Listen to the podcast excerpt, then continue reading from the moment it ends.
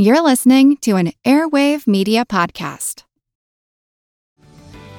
This episode is brought to you by Paramount Plus. An unlikely friendship begins in the Paramount Plus original movie Little Wing, starring Brooklyn Prince with Kelly Reilly and Brian Cox. Reeling from her parents' divorce, Caitlin steals a valuable bird to save her home, but instead forms a bond with the owner, leading to a new outlook on life. Little Wing, now streaming exclusively on Paramount Plus. Head to ParamountPlus.com to try it free. Rated PG 13.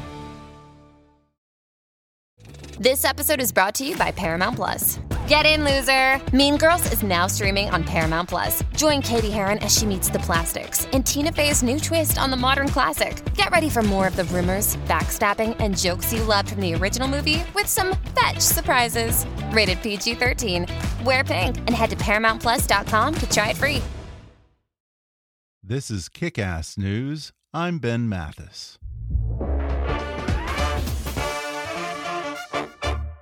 Support for today's show comes from Google Play. Did you know that you can now download and listen to audiobooks on Google Play? That's right. With hands free listening using Google Assistant or Chromecast, you can enjoy thousands of titles a la carte, no subscription necessary. There's even multi device integration across the Google ecosystem. And for a limited time, you get 10 bucks off your first one over $10 by visiting g.co slash play slash kick.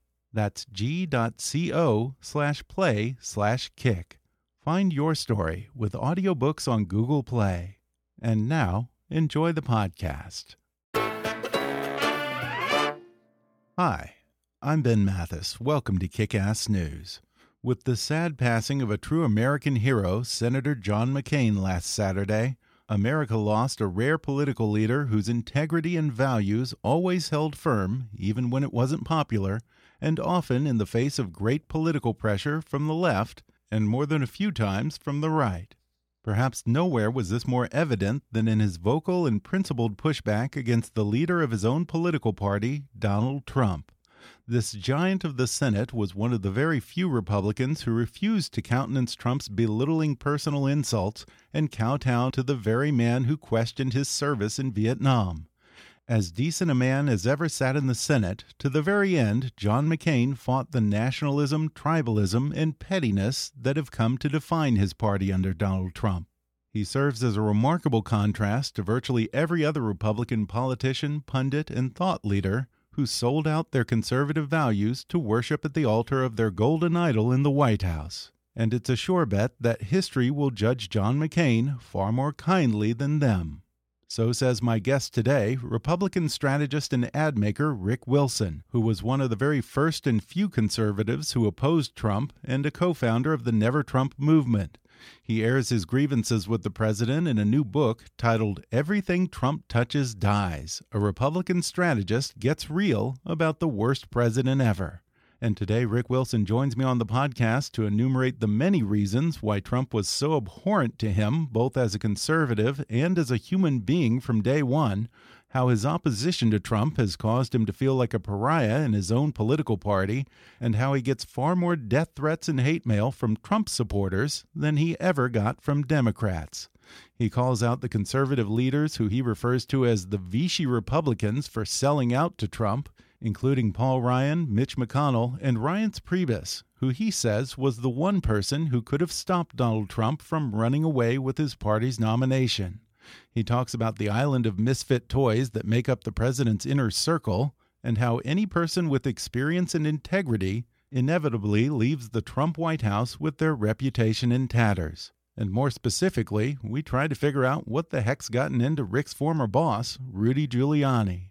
Rick picks apart what he calls the But Gorsuch argument that Trump conservatives used to defend the president. He looks at the potential field of Republican challengers in 2020 and speaks frankly about the inevitable fallout of the Trump presidency and the long road ahead as the GOP struggles to rebuild its brand. Coming up with Rick Wilson in just a moment.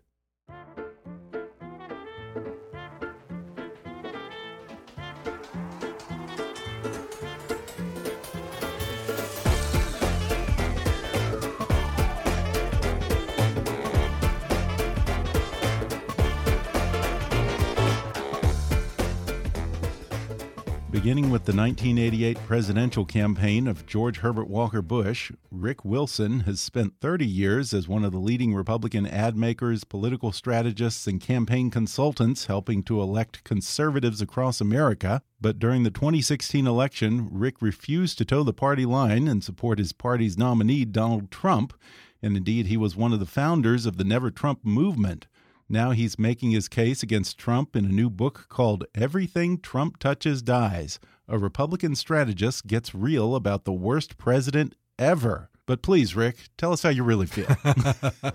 Thanks. Thanks for having me. I enjoyed the book. Uh, it, it's actually quite funny. I listened to the audiobooks, so right. that was nice that you read your own book. Was, I always like a, it when, when I they enjoyed that. that process. You know, my publisher was like, "Now, if you want to do this, you can." But you, it, a lot of people, I'm like, "Oh, I'll do it," and I loved it. uh, well, I loved it. You're a funny guy. You're actually a very witty, articulate guy, but you pull no punches. Among those who oppose Trump there seems to be this debate about whether to take the high road or to get down on his level and play the game on his terms. Do you think a bare knuckle street brawl is going to be the only way to take Trump down? Look, I think Trump is going to take himself down in a lot of ways. Yeah. I've always said bad people screw themselves. Um, but, you know, I wrote this book as something that was very in, genuine and honest about who I am. And you know what? I love a good fight. I love a good brawl you know, I've always been in this role in the Republican Party where there's a there's a handful of guys who make the really stinker ads, mm-hmm. who make the ones that you want to you want to end the fight, you want to end the debate. You call in a guy like me, and I and I'm I'm you know lock myself in the studio for a couple of days and come out with something that makes people go, "Oh dear God, did they really put that on TV?" and so you know, I love a good I love a good fight. Uh, that's exactly who I am. I grew up in this family of people who were arguers, debaters, you know, uh, constantly, you know, back and forth on ideas. And I have a circle of friends who, you know, it's we're very elbows out with each other, and so that's who I am. That's that's I think that comes across in the book, and uh, I think it comes across in the audiobook as well. Yeah, you're one of those guys who makes all those ads mm -hmm. that voters claim that they don't like, but actually secretly work really well. that is exactly correct. Why, you know, and uh, it's the we call it the country club response. Yeah these these people will come up to the candidate at the country club and go, oh, "I hated that ad you did about so and so, and it was so mean and awful and cruel, and, and congratulations on winning." now I know that you were a Marco Rubio guy during I the was. GOP primary, but I wonder, was there ever a point when you maybe considered supporting Donald Trump, no. or you, or no. were you I, I, never I could, Trump? I could just one? I could just give you this one from the from the get go. Yeah. I opposed Trump from the start for a number of reasons. One of which is I worked for Giuliani in New York. Right. I knew who this guy was. And I knew this guy was surrounded by a garbage barge of the most absurd characters in politics. And by the way, people act like Paul Manafort walked in the door in 2016. I knew Trump was in business with Manafort back in the late 80s. This isn't a secret. It's this whole Roger Stone, Paul Manafort. These are the guys who will take coin from from it's like, hmm, we're on the subscription of the month to let's let's work for the worst dictators club. Yeah. and and so i knew that trump was was not the character he played on tv and a lot of people thought and they still do believe that the guy they saw in the apprentice is the real donald trump. And the real donald trump is not a decisive smart leader. He's not an international deal maker. He's not a brilliant negotiator. He's a crazed old man sitting up in bed at night, rage tweeting, and and leading this country to the brink of a, a political and military and diplomatic crises every damn day. So I I love being proven right, and I and he does it so well for me every day. yeah, he sure does. Now you mentioned that you worked on Rudy Giuliani's campaign. Mm -hmm. I used to respect and admire him, but he just seems to have lost his mind. I mean, every soundbite's a disaster, yeah. whether it's the yeah. truth isn't the truth, etc. What the hell happened to Rudy? You know, look, uh, I'm I'm part of an alumni network of many many people who worked for Rudy all over the years. Now, I came into Rudy's world in '97 in mm -hmm. the mm-hmm. reelection. And I worked on the Senate race in 2000. I was a media strategist, message strategist on the Senate race against Hillary in 2000. On um, then, you know, on the 2008 president. So I've been around Rudy half my political career, and I know other people that have been with him since '89. So they go way back. And so the spectrum of people who've worked for him in the past were all on our list serve going, what the hell? what is somebody call somebody call him what the hell? Yeah. Nobody can reach the guy. He has gone into this Trump world. And I wrote a piece for Daily Beast about this where I said, you know, boss, we all loved you. There, there was good Rudy and bad Rudy. Mhm. Bad Rudy could be a dick. He could be impulsive. He could be a guy you, you just wanted to you just wanted to hit him sometimes because he was just like he had so much greatness and he would blow it by being a, a jerk in public. But good Rudy, and I don't mean this lightly, was like Batman in New York.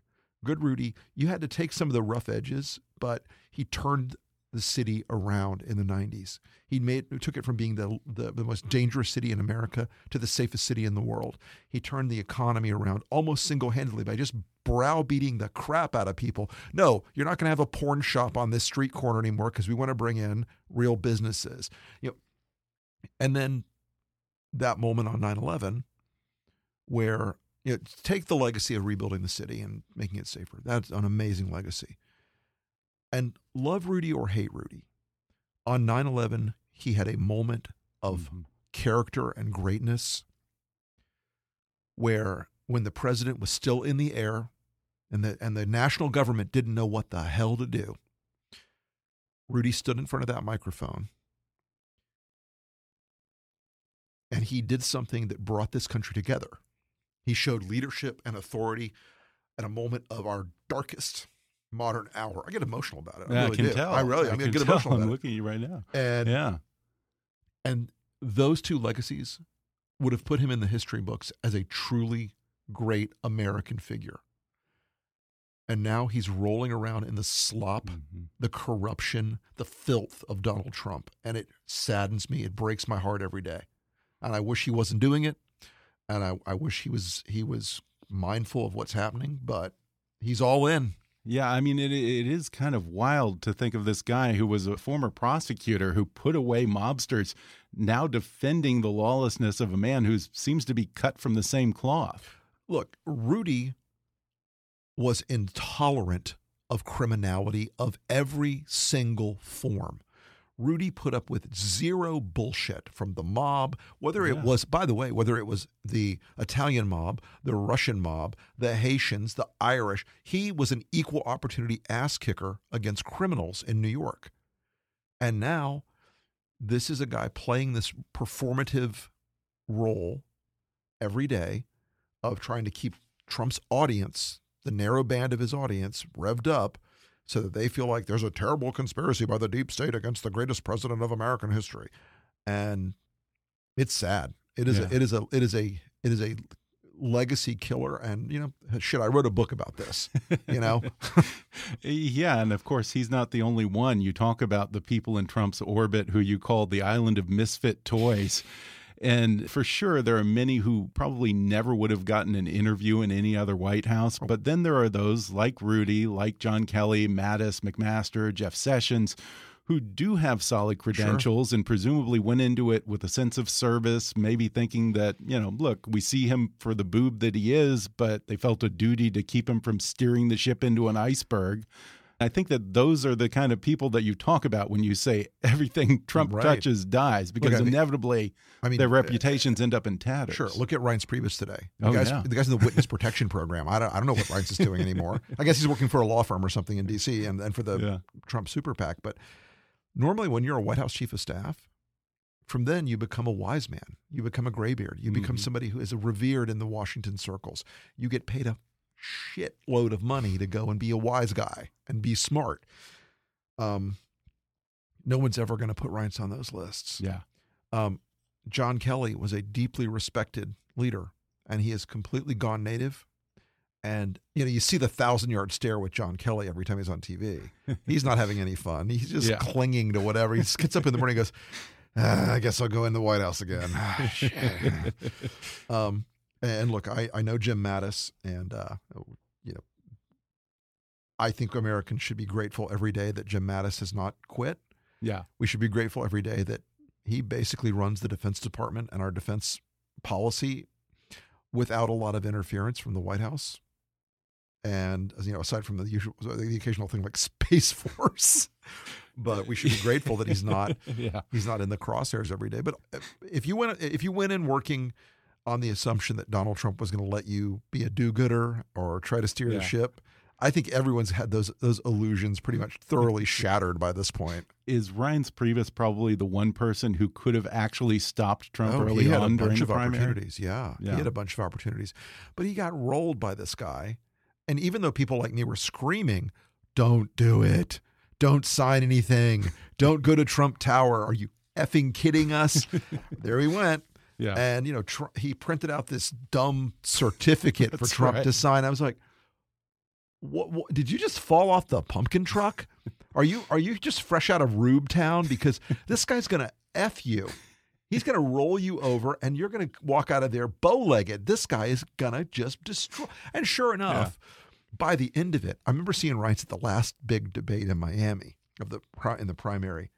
I'm like, all right, first off, he's lit because this guy is. If, if I was him, I'd start day drinking at about nine thirty, and he clearly was.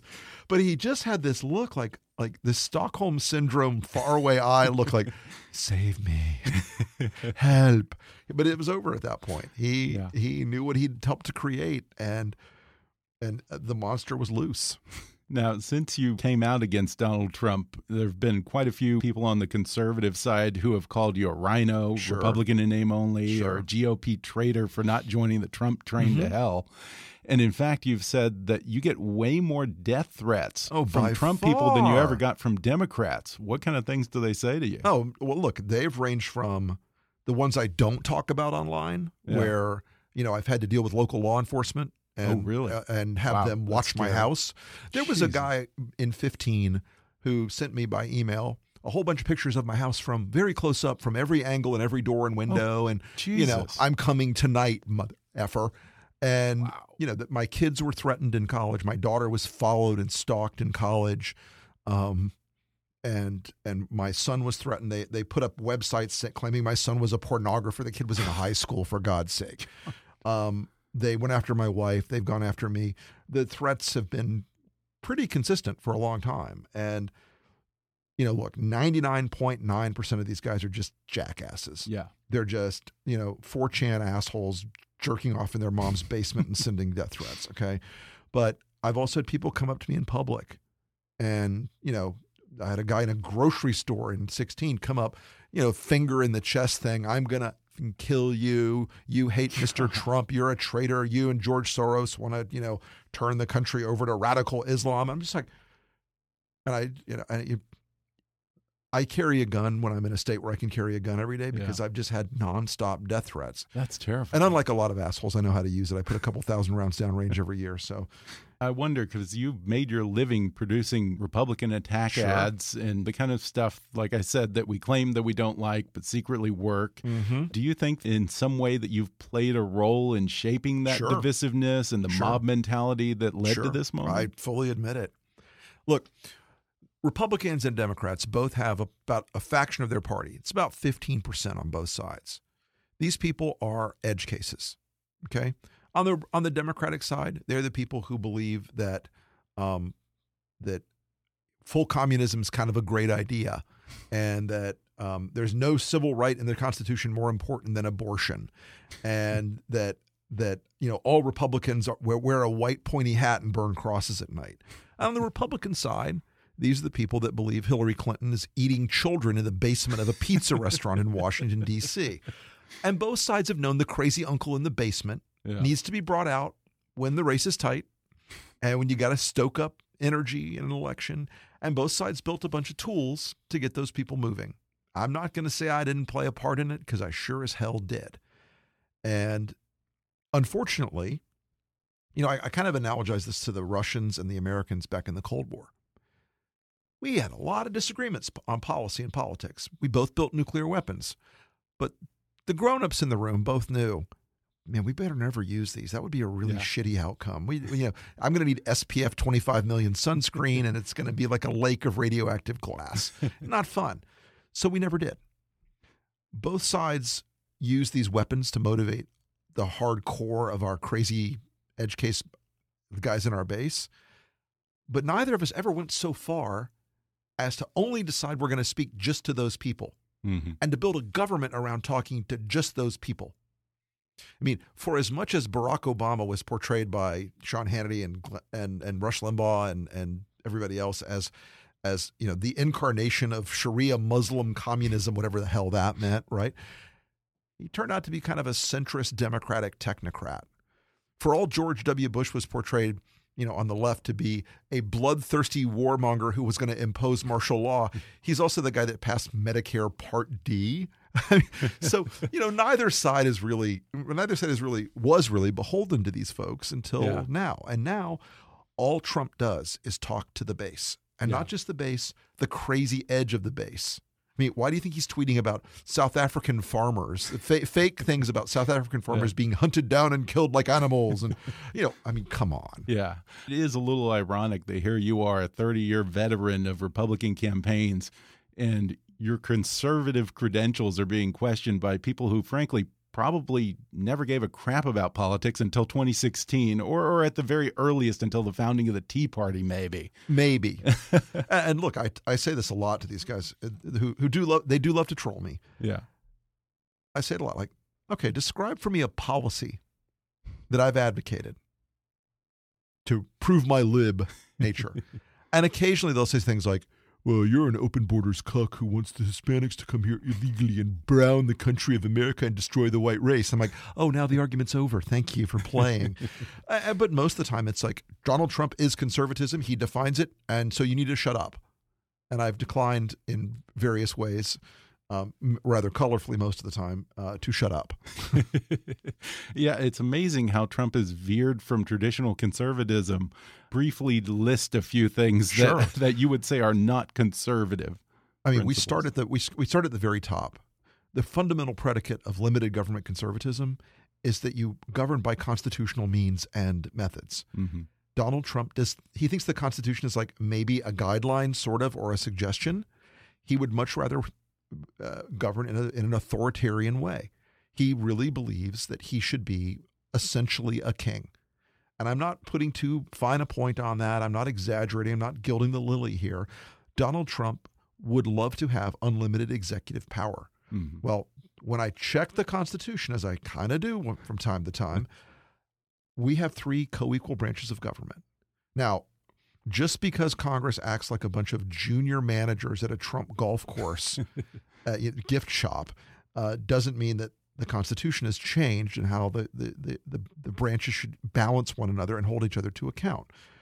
So, you know, the first is that is that big picture constitutionalism question where he just doesn't care about it. He doesn't care about the most fundamental of rights, free speech. He's easily, you know, coerced by Stephen Miller to go after religious liberty, and his version of religious liberty is for white Protestant Christians. Mhm. And the Constitution was wired up, even even 200 plus years ago, by a bunch of guys who recognized that that there was not going to be a state religion. We fled from a state religion Yeah. as the as this country was was built and founded. So Yeah. you know these are things Trump has abandoned in the constitutional side. The second part the of it is attacks on the press. right. Yeah. The second part exactly is is the fundamental pr- principle of limited government. If you're a dictator, an authoritarian, a strongman, a wannabe Caudillo type, you love all the powers of government.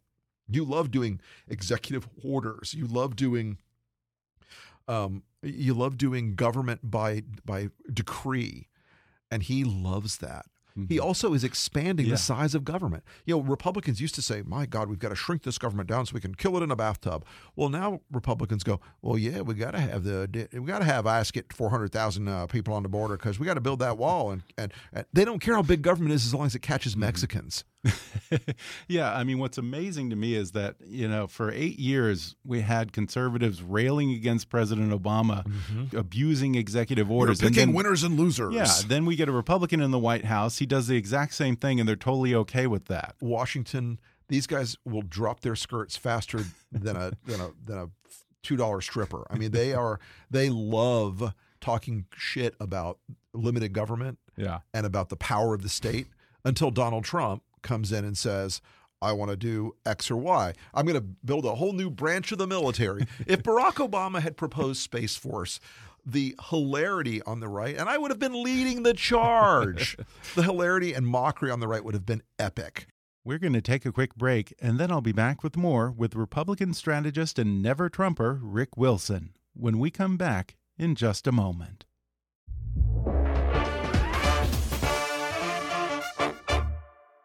Do you want to learn how to go from good to great to unstoppable? Do you want to maximize your potential? Do you see the value of networking with other ambitious professionals? If you answered yes, invest in yourself. Buy a ticket now to Relentless MV, a very unique event being held in Martha's Vineyard September 28th through 30th, featuring elite performers like David Goggins, Tim Grover, and the Iron Cowboy. Their speakers will share tips, tricks, and experiences to help you become unstoppable. The event is being held at Lambert's Cove Inn, a beautifully restored farmhouse from the 1700s nestled in the woods. This event promises a ton of fun and, more importantly, a great investment in your future. Both weekend and day passes are available. And as a listener of this podcast, you get a special deal. Use promo code KICK to receive $500 off. Visit relentlessmv.com for more information. Again, that's relentlessmv.com and promo code KICK for $500 off. Buy now, limited tickets are available. Hey folks, here's some advice for anyone who sends emails to their customers. You deserve a better email marketing platform, one that's actually designed with your type of organization in mind. And unlike other email providers, Emma puts its customers first, offering powerful email marketing with a personal touch. With Emma, you'll have everything you need to connect your data, build your audience, and do your most successful marketing ever. Because their easy to use platform makes advanced functionality accessible to everyone on your team, no technical skills required. You can even connect Emma with the services you count on to run your business, like Salesforce and Google Analytics. Not to mention, Emma's award winning team is always ready to support you on your email marketing strategy, design, list migration, and more. So put the power of email experts behind your marketing. Request a customized demo of Emma's email marketing platform today at myemma.com. Again, that's myemma.com. And now, back to the show. No matter how many times Trump breaks faith with conservatives, somehow they always seem to point to the Supreme Court, and now he's getting a second judge. You call this the But Gorsuch argument. You know, it, conservatives, for, for decades, liberals fetishized the Supreme Court because they knew if they had a majority, that nothing else mattered, is what they thought that legislation doesn't matter. And Congress has basically ceded so much power to the executive that if they had the Supreme Court, they could control everything. Republicans are now making the same exact fallacious argument. and yes, Congress has walked away from its responsibilities in a whole host of domains. But just getting a Supreme Court justice or even two, at the end of the day, it won't be magic. At the end of the day, the, the court process is slow social change outstrips the legislative and, and, and judicial change all the time. I mean, look, Americans made up their mind on gay marriage a long time ago. It took the court a long time to grind that decision through and essentially codify it. But you know, there will be things that change in our society that Republicans think the court's going to go, okay, we got Gorsuch and it's going to happen right now. But yeah. it, it might not necessarily happen right now. Yeah, yeah, and the other thing that they do is uh, they point to the Trump tax break. I mean, that's conservative, right? No, no, it's not. Count? In fact, this yeah. tax bill, as an actual conservative and an actual economic conservative and fiscal conservative and taxation conservative, I hate crony capitalism. I hate government tweaking the tax code to favor certain groups and individuals because I think it is fundamentally unconstitutional. I think it's economically moronic. And I think it's fundamentally unfair. So, this tax bill, and a friend of mine, I write about this in the book. A friend of mine was one of that group of lobbyists sitting in Mitch McConnell's office writing the bill. and he works for a whole bunch of hedge funds. Okay. That bill was designed by very, very brilliant people. And this guy has a this guy has a uh, a deep experience in the tax code and if I if I named his degrees, they'd figure him out. But let's put it this way: he is credentialed up the ass, um, knows the tax code in and out. And I said, "So, listen, is there any benefit for like working Americans in this bill, or is this all for your clients?" Because how the f do I know? I don't care. it's going to take care of my people. Yeah. And it did. The tax bill was written to benefit about 150 hedge fund guys and about 50 billionaires in this country. And 85% of the benefits go to those people. Wow. And it's designed in such a way that it requires economic growth. Oh, by the way, the, the small benefits that go to the American working guy, those sunset in a couple years. Those go away in a couple years. the corporate tax cut is permanent. Mhm. But one last thing on the tax bill. It also is going to require economic growth of around 4.1% forever. or we're going to have to take that money from somewhere. It's either got to come out of defense, which is the largest non discretionary part of the pot, or we're going to have to do something about entitlements. And they're never Huh. touching entitlements. The Trump's base, those are entitlement voters. Trump's base is they depend on Social Security, Yeah. Medicare, Medicaid, disability. I mean, those so they've they've we've taken a delicious poison pill. Great sugar rush on the front end, diabetic coma on the back. Yeah. Yeah. And then how are we going to afford the infrastructure plan that we desperately need, apparently? This has been the best infrastructure week ever. Yeah. Just like they all are. There's plenty of blame for all this to go around, but you start out your book by singling out what you call the Vichy Republicans. Sure. It seemed to me at the time that many Republicans in Congress saw Trump as just basically a useful idiot and thought that he would leave policy making to them and just be a rubber stamp. Now, the way he trolls his own allies in Congress and often undermines his own agenda. Personally, I want to go up to McConnell or Ryan and just ask, how the hell is this working out for you now? You know, I, I think particularly Paul Ryan, who I admired for a long time, really respected for a long time. He's been one of the biggest disappointments Mhm. for two reasons. One, there were a lot of phases and times in the campaign where he knew how bad it was, and he shared with friends and associates and consultants and and and members of Congress his unbelievable disgust with Donald Trump's behavior. Hmm. He absolutely understood how bad it would get. And during the campaign, the most he ever did was say, Well, after the pussy grabber tape, I can't invite Donald Trump to a rally in Wisconsin. And I kind of knew at that moment if Trump won, that Paul Ryan had, had already morally collapsed. Mhm. By the time he became speaker for this session and Trump was inaugurated, Paul Ryan had already decided he would never stand up to this man. He would never oppose him. He would live in fear every day. And, and people ask me a lot, like, how how do you do this? How do you stand up every day with people in your party who just hate you now, who yell at you, who tell you say you're a traitor, who threaten you, who do all this? The minute I decided to do the right thing on this, I slept better at night than I had for 20 years. I get up every day. I love being in the fight. I love being in the right side of, of history. And I don't think Paul has been comfortable. I don't think the guy's mm-hmm. had a good night's sleep since the president was elected. And he he's let Devin Nunes and all these jackasses run roughshod. And uh, and I think he's really failed as a leader.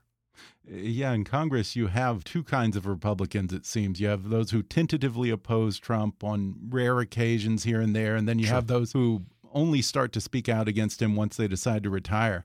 Are, are there any conservatives in Congress who you can actually say have always from day one denounced Trump loudly and clearly? No. Not even McCain? McCain, I think you can get to. Yeah. Um, but and and we will never see his like again. I I'm afraid. Mhm. You know that news today is so tragic and, and awful that he's he will not long be with us. Yeah. And and I, I you know you see some of these guys who were very very brave for a while in 16, who just slowly slipped into the bathwater, and they're afraid. And Mhm. I, I talk to these members. Look, look, in the House, there's maybe 40 or 50 guys who are really crazy Trumpers. The vast majority are terrified. They're terrified of his mob. They're terrified of him. They're terrified of Fox News going after them. They're terrified of getting primaried by a crazy, you know, four toothed Bubba who comes out and screams, I'm with Mr. Trump, louder and longer, and they lose their Yeah. seat. They're afraid of it. They really are. Yeah, regardless if he's a child molester or Sure. whatever, a Nazi. Sure. Uh, they, they, they, look, the for all of my years and years of making ads that the Democrats hated, my favorite campaign of the last 10 years was going up against Roy Moore. I mean, I worked for a Democrat. I wanted to elect Yeah. Doug Jones, and I helped a super PAC uh, and some other groups come in there. And we made some fantastic ads because I'm Liam Neeson when it comes to the negative ad thing. I have a specific set of skills, and my Republican friends at the time were like, "Oh, are you going to work for Democrats now? Because um, uh, uh, can we talk first? I'm like. We'll see. and it must have been fun to have that little proxy war with Steve Bannon too. It, it was a delight. Look, Steve Bannon was personally and directly responsible, uh, and uh, for go for sending Breitbart after my children. Wow. They had people writing articles about my daughter. So Steve Bannon and I, we've never crossed paths physically since then, which he should really be thankful for every day. but I have done everything I can to ride him like a cheap mule since then. And beating him in Alabama broke Steve Bannon's support with the Mercer family. He lost Breitbart because he lost Alabama. He's now basically living in Europe, running around with these right wing parties in Europe trying to stoke some sort of thing. He came back here a few weeks ago after a chemical peel. Um, and he was only wearing one shirt, so I know somebody's counseling him. But and started saying he was going to help win back the House for Trump for the nationalist populist movement and blah blah blah.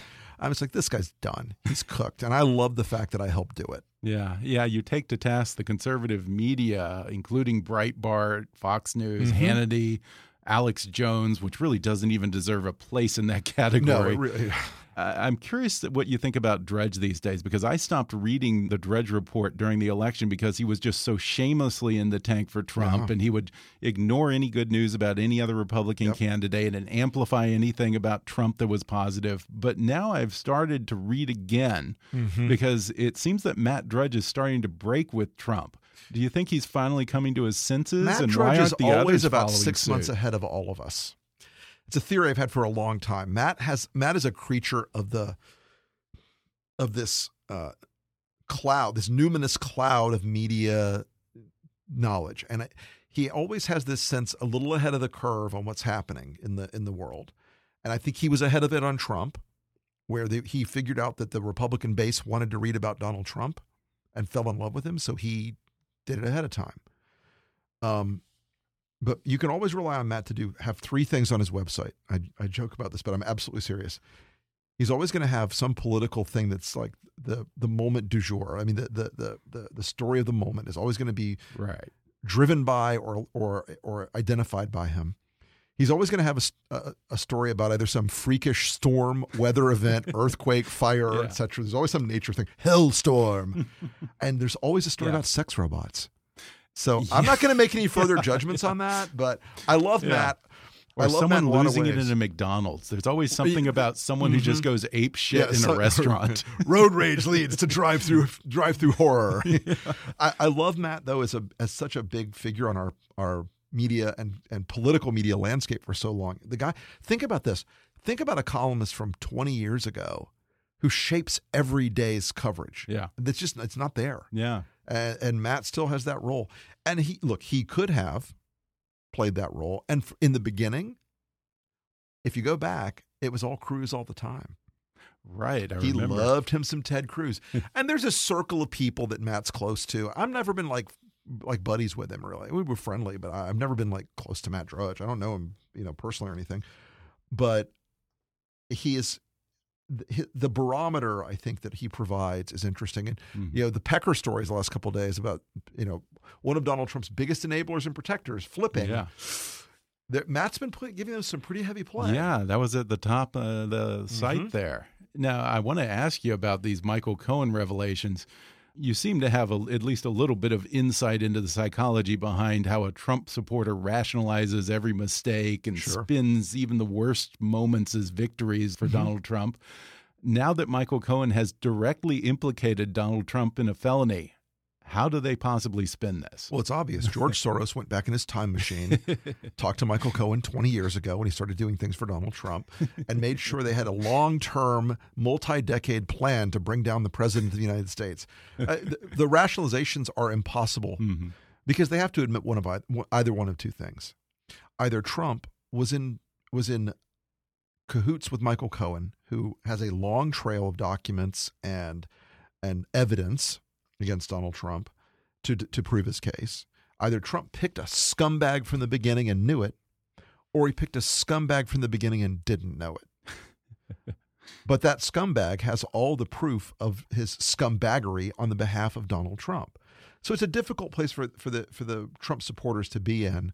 Um, and lately, the rationalizations they are becoming more baroque, more complex, more more lurid, and it's and it is stuff like maybe Hillary got to him in 2016 and and and compromised him. Maybe he's a pedophile cannibal too, and uh, this, these, Yeah. these ways they try to explain away everything. It's like a cargo cult in the Pacific after World War II. You know, as many times as they built airplanes out of palm fronds, there was never going to be another airplane landing on these abandoned islands.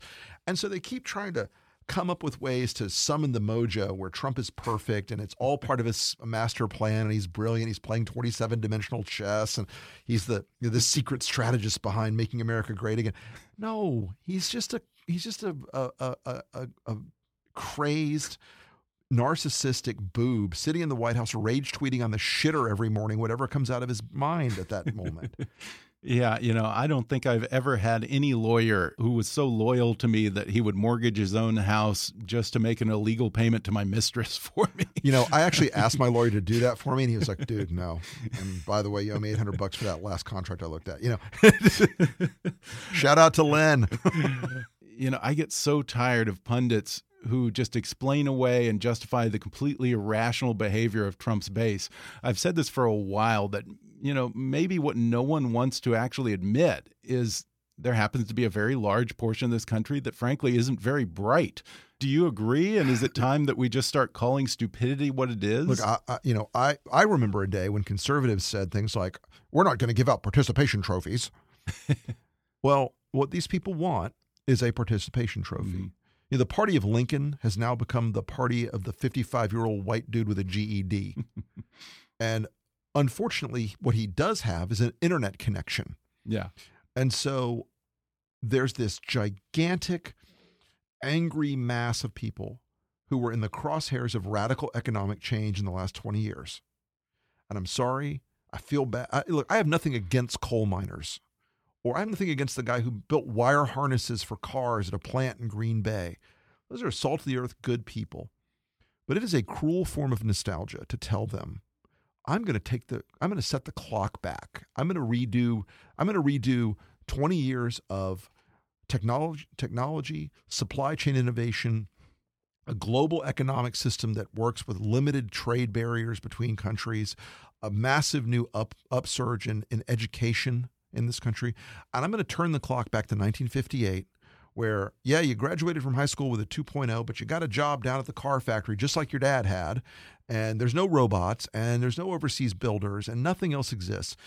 It was the it's a it's a horrifyingly manipulative scam on people who do not have the education and and and the, the sophistication to understand that they're being played by a master con man. Mm-hmm. And I'm just dumbfounded at how they continue to allow him to humiliate them. And at what point do you just say, okay, I took a chance on this guy, he screwed me, and now I'm going to move on? I'm not going to continue to be a fool. Well, I'm going to see him the, for who he the is. problem is no one else feeds their ego and their Hmm. rage. These are people who are not who who feel even though they are the majority demographically, they are white Protestants, the majority of uh, religion. They they are majorities in so many ways, but they feel as if they are this tiny, embattled, embittered minority who the society and the culture and everything else has come down on them, and that liberal elites laugh in their faces. And at some point, Trump was able to tap into that and tap that anger.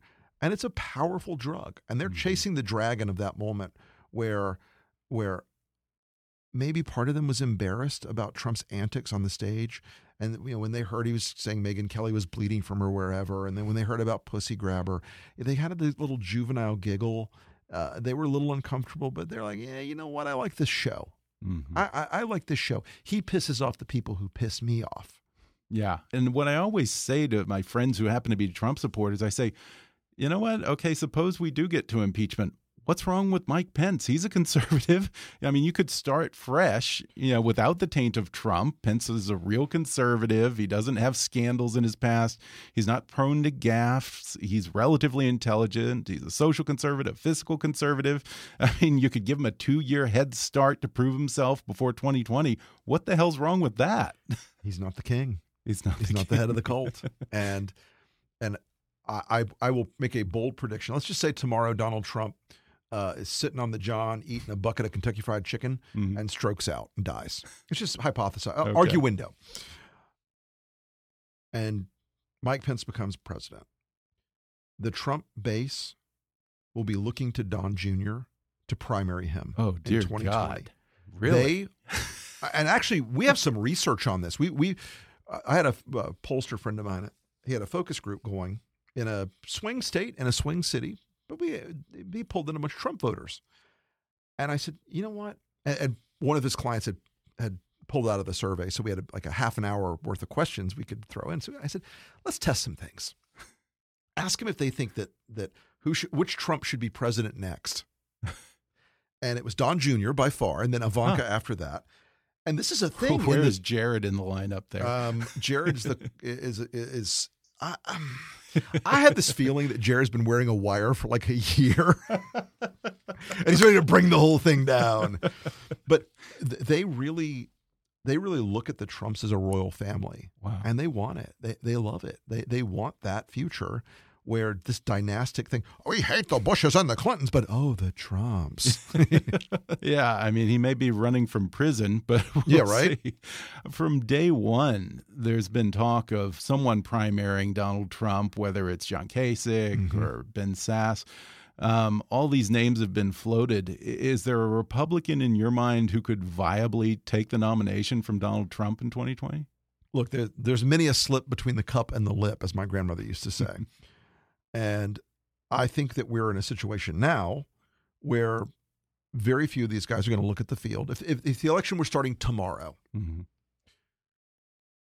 they would look at this and go, ah, hard pass.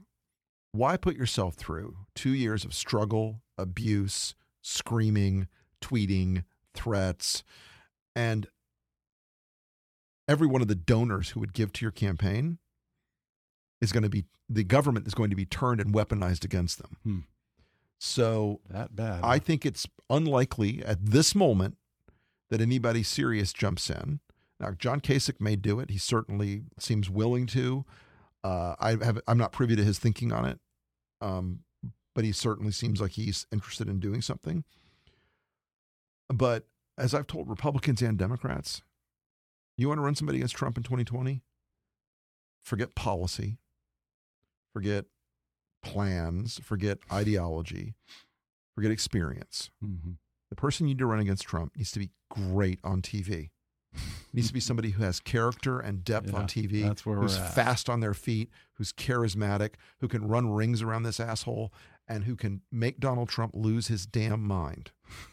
now, is that a Michael Avenatti type? Perhaps. Yeah. Is it is it somebody out of business or Hollywood? Perhaps. But even your guy Marco tried to at the very end get under Donald Trump's skin, and that didn't work out too actually, well. it for was him. working. Oh, oh, really? It was working so? because Trump was losing his mind. Yeah. What didn't work was his staff, uh, or the close staff around him. I was on the super PAC side, right? Yeah. But his staff around him lost their nerve. Hmm. And one of the benefits of me in a campaign is I never lose my nerve. I mean, in 2002, when we were running the, the infamous bin Laden ad against uh, Max Cleland in Georgia, which, by the way, did not morph him into bin Laden. It was just a fact based ad about votes. but it was a very hard ad. I had people Yeah. in the campaign going, This is awful. They're going to destroy us. They're going to. I'm like, Look at the pollster. I'm like, How we doing? He's like, We're getting about a point a day. I'm like, Stay on it. And we did. We stayed on it. You know, nerve is important. It's got to be, and that's got to be somebody who can run against Trump and not get Mm-hmm. Yeah. shook yeah. and not get flipped out by by mean tweets. hmm Yeah, I mean, there is such a negative downside to this for any candidate who runs against him. But I have to wonder if maybe in a Kasich or, or a Ben Sasse, a Jeff Flake, I don't know, if there, there's a certain thinking that sooner or later, Trump and the Republican Party's chickens are going to come home to roost, and Mhm. I want to be on the right side of history. You'd be surprised. You know, this week, last week when the book came out, there were I got and I'm I'm honored and and overwhelmed. I'm I'm still writing through the thank you notes back to people who praised the book and sent me emails about it. Over over a thousand people in the first couple of days, and it, No keeps coming in. It's crazy. I'm I'm I'm just blown away by it. I'm deeply deeply honored. But in that list, there were six members of the House and two senators, neither of whom is an anti-Trump person. Interesting. And the conversations we've had since then, including uh, one person in the House, if Trump knew who it was, and he he he said, "I'm putting my life in your hands." if Trump knew who this person was, he is somebody Trump likes, talks to, thinks is on his side, who frickin' hates him like the fire of a million suns.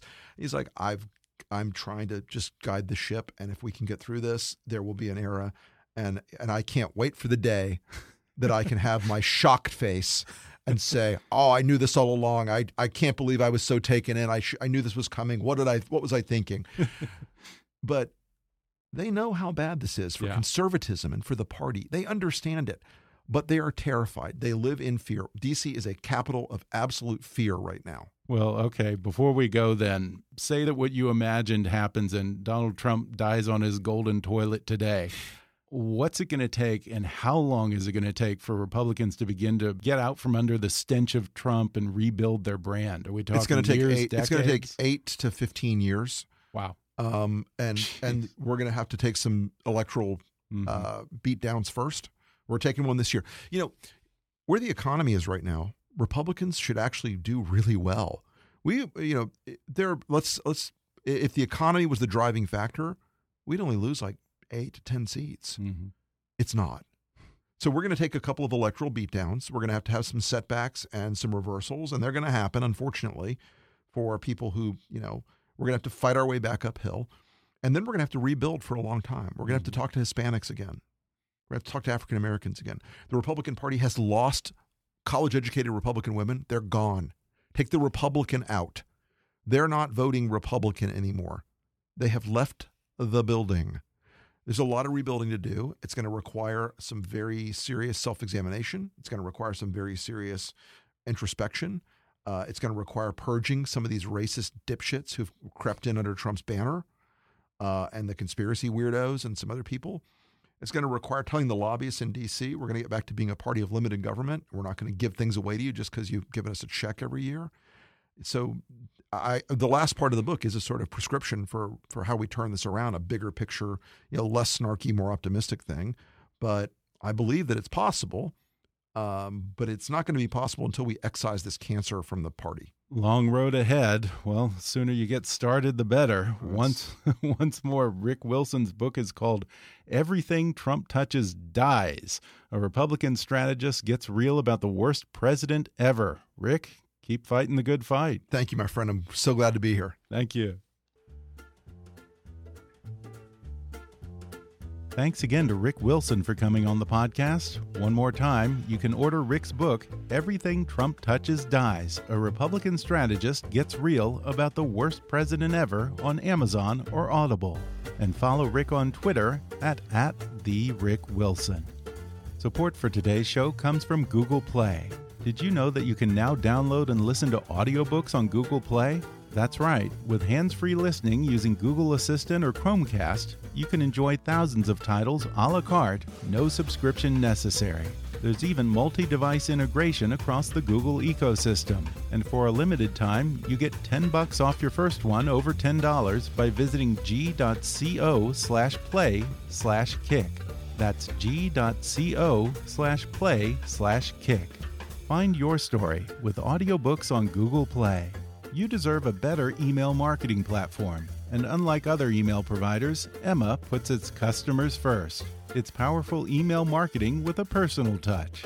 Their award winning team is always ready to support you on your email marketing strategy, design, list migration, and more, so you'll have everything you need to do your best email marketing yet.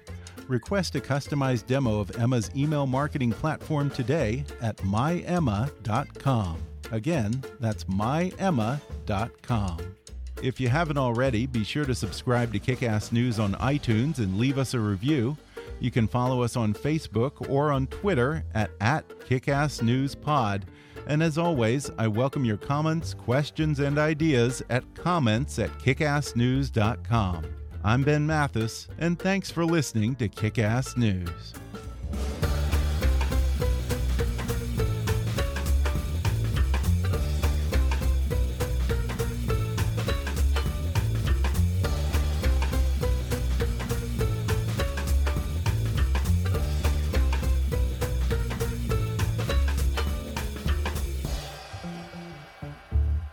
Kickass News is a trademark of Mathis Entertainment, Inc.